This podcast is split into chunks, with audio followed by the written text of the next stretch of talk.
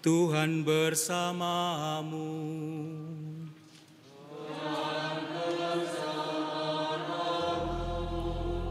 Inilah Injil suci menurut Yohanes.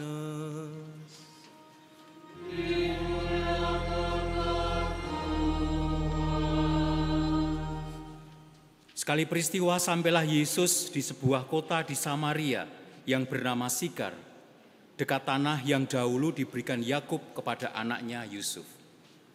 Di situ terdapat sumur Yakub. Yesus sangat letih karena perjalanan. Sebab itu ia duduk di pinggir sumur itu. Hari kira-kira pukul 12. Datanglah seorang perempuan Samaria hendak menimba air. Kata Yesus kepadanya, "Berilah aku minum." Sebab murid-murid Yesus telah pergi ke kota membeli makanan. Kata perempuan Samaria itu kepadanya, "Masakan engkau seorang Yahudi minta minum kepadaku seorang Samaria?" Maklumlah orang Yahudi tidak bergaul dengan orang Samaria. Jawab Yesus kepadanya, "Jika engkau tahu tentang karunia Allah dan siapa Dia yang berkata kepadamu, 'Berilah aku minum,' niscaya engkau telah meminta kepadanya dan Ia telah memberikan kepadamu air hidup." Kata perempuan itu kepadanya, "Tuan, engkau tidak punya timba dan sumur ini amat dalam. Dari manakah engkau memperoleh air hidup itu? Apakah engkau lebih besar dari bapa leluhur kami Yakub yang memberikan sumur ini kepada kami dan ia sendiri telah minum dari dalamnya? Ia beserta anak-anak dan ternaknya." Jawab Yesus kepadanya, "Siapa saja yang minum air ini, ia akan haus lagi. Tapi siapa saja yang minum air yang akan aku berikan kepadanya, ia tidak akan haus untuk selama-lamanya. Sebaliknya, air yang akan aku berikan kepadanya akan menjadi mata air di dalam dirinya yang terus-menerus memancar sampai pada hidup yang kekal. Kata perempuan itu kepadanya, "Tuan, berilah aku air itu, supaya aku tidak haus dan tidak usah datang lagi ke sini untuk menimba air."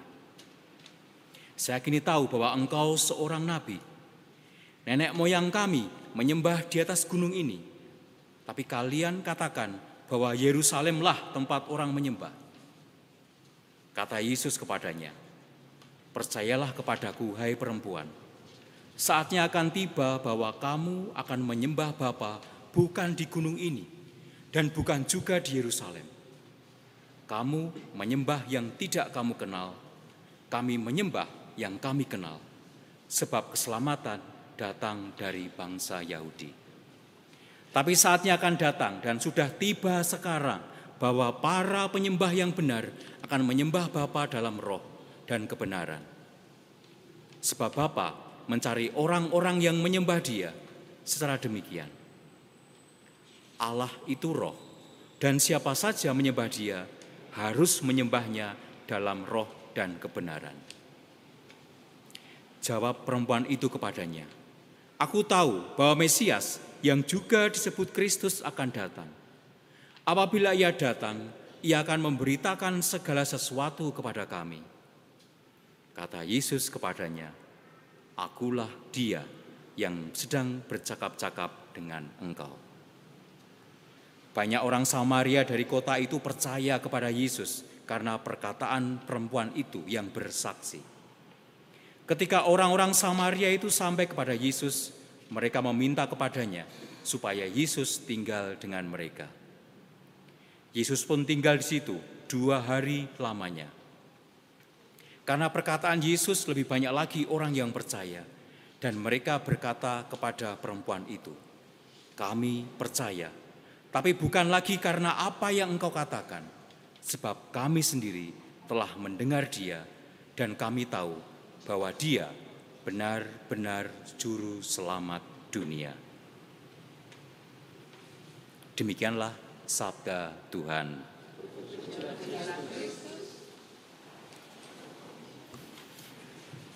Bapak Ibu, rekan-rekan muda, para suster, bruder, selamat sore berkah dalam.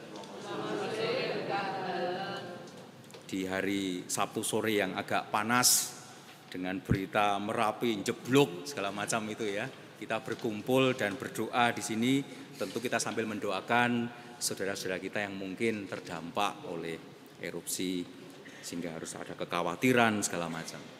Kita mendoakan untuk keselamatan mereka semua. Bacaan bacaan yang kita dengar di sore hari ini bagi saya berbicara suatu hal yang sangat menarik.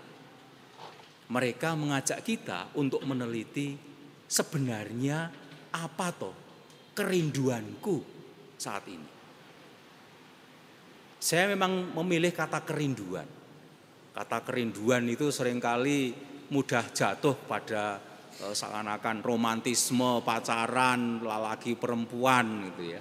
Padahal sebenarnya kerinduan itu bukan hanya masalah relasi eh, personal semacam itu. Ada kata lain, harapan. Kata lain lagi dambaan. Tapi kerinduan itu menurut saya lebih lebih kuat, lebih dahsyat. Dan setiap orang itu pasti punya kerinduan. Baik kalau kerinduan itu hal-hal yang sederhana sampai hal-hal yang luar biasa. Baik kalau kerinduan itu disampaikan sendiri atau ini kan sudah mau puasa lebaran ya. Kerinduan itu disampaikan oleh tetangga, nih ketemu kapan nikah. Kalau sudah nikah pun tanya kapan punya anak. Ya. Kerinduan itu menggerakkan kita semua. Seorang siswa, teman-teman ini yang sedang sekolah, mungkin rindunya adalah ya segera lulus kelas 1, 2, 3, 4. Nanti bisa masuk sekolah favorit gitu ya. Bagi Anda orang-orang muda yang saat saat ini berpikir kerinduannya mungkin saya mau kuliah di mana. Bagi pasangan mungkin yang saat ini sedang berjuang. Saya sering melihat di TikTok gitu ya. Para pasangan-pasangan yang apa? berjuang, para pejuang garis dua gitu. Merjuangkan untuk memperoleh momongan. Saya kira tidak ada toh rindu supaya mengakhiri hidup, tidak ada. Kalau ada, mari kita temani supaya dia bisa menikmati hidup ini. Tapi setiap orang itu punya kerinduan. Dan kerinduan itu membuat orang itu tumbuh dan berkembang.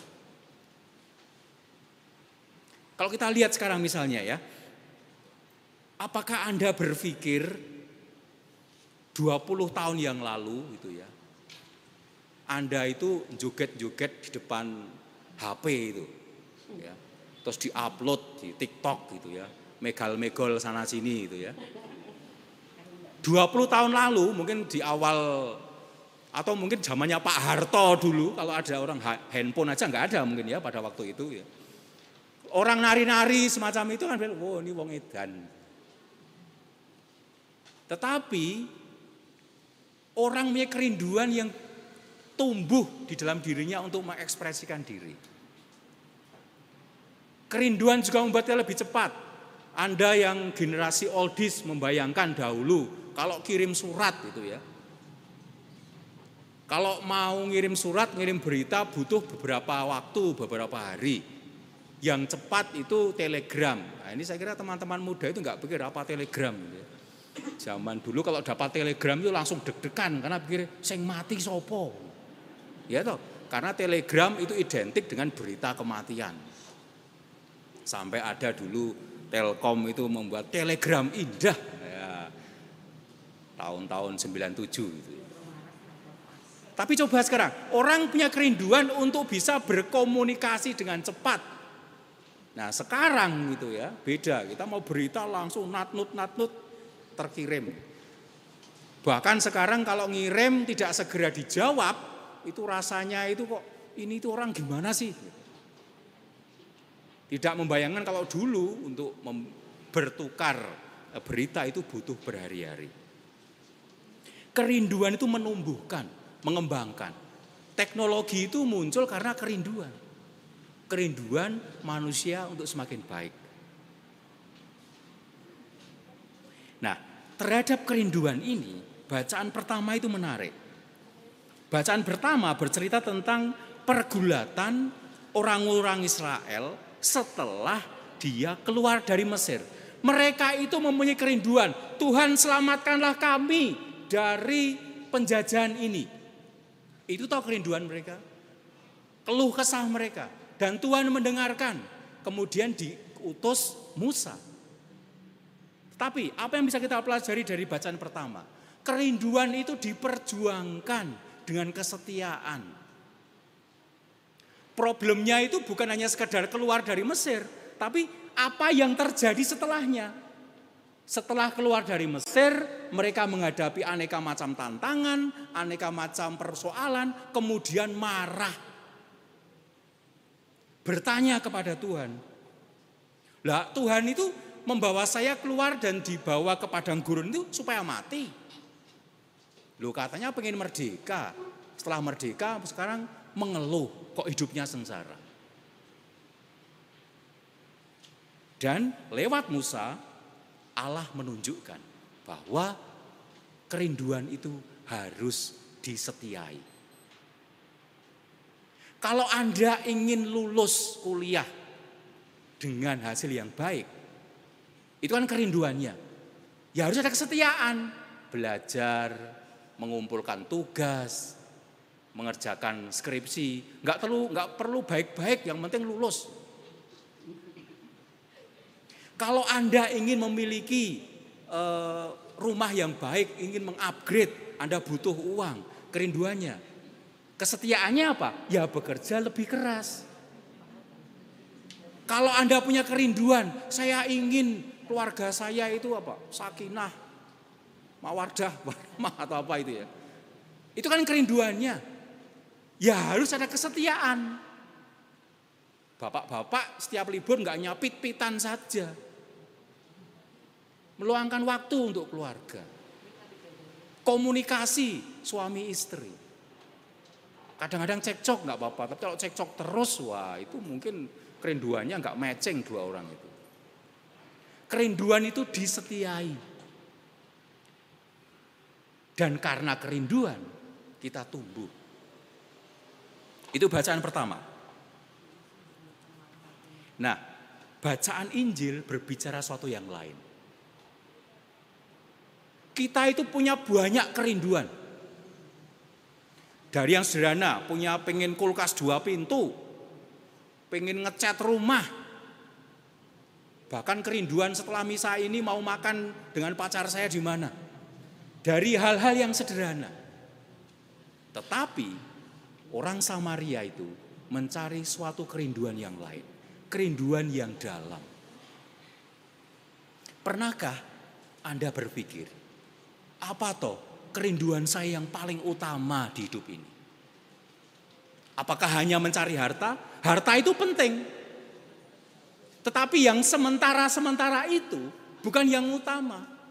Karena apa? Kalau Anda kerinduan utamanya hanya sekedar mencari harta, Anda akan menggunakan segala macam cara untuk mendapatkan itu. Kita semua ditanya, apa kerinduan saya yang utama? Yang membuat saya bangun pagi, bekerja, dari jam 8 sampai jam 5 sore. Yang membuat saya harus berjam-jam berada di depan komputer untuk mengerjakan tugas. Apa kerinduan yang utama itu? Dari bacaan Injil suatu hal yang luar biasa. Kerinduan yang utama itu sulit untuk ditemukan. Apakah menjadi suster, menjadi romo itu cukup dikatakan sebagai kerinduan yang utama? Nanti kalau sudah jadi romo, jadi suster, bingung. Kalau tidak menemukan. Apakah dua pasangan yang kemudian menikah, hanya menikah saja itu kerinduan yang utama? Atau suatu yang lebih, membangun kesepakatan bersama seumur hidup. Kerinduan itu, pertanyaan yang paling dalam itu kita tanya, kita cari. Dan yang menarik adalah bacaan Injil menunjukkan sesuatu yang sangat khas. Dalam usaha Anda untuk mencari kerinduan Anda yang utama, Anda tidak sendirian. Ada Yesus yang akan berjalan bersama Anda. Maka marilah kita bertanya. Suami bersama istri, orang tua bersama anak, seorang yang sedang berpacaran, yang sedang mempersiapkan sakramen perkawinan, saling bertanya satu sama lain. Apa toh yang saya cari dalam hidup ini? Sing tak goleki ning urip apa? Itu pertanyaan yang akan kita jawab seumur hidup. Selalu bisa berubah. Tapi ada satu yang tidak berubah. Yesus menemani Anda dalam mencari dan mencari dan mencari terus jawaban itu. Maka malah kita mohon supaya kita membuka hati. Supaya Yesus mengajak kita terbuka pada pertanyaan, apa yang sungguh saya cari, yang saya inginkan dalam hidup ini. Dan sesederhana, sekecil apa pun yang kita temukan, kita syukuri karena kita tidak berjalan sendirian. Kita berjalan bersama Yesus.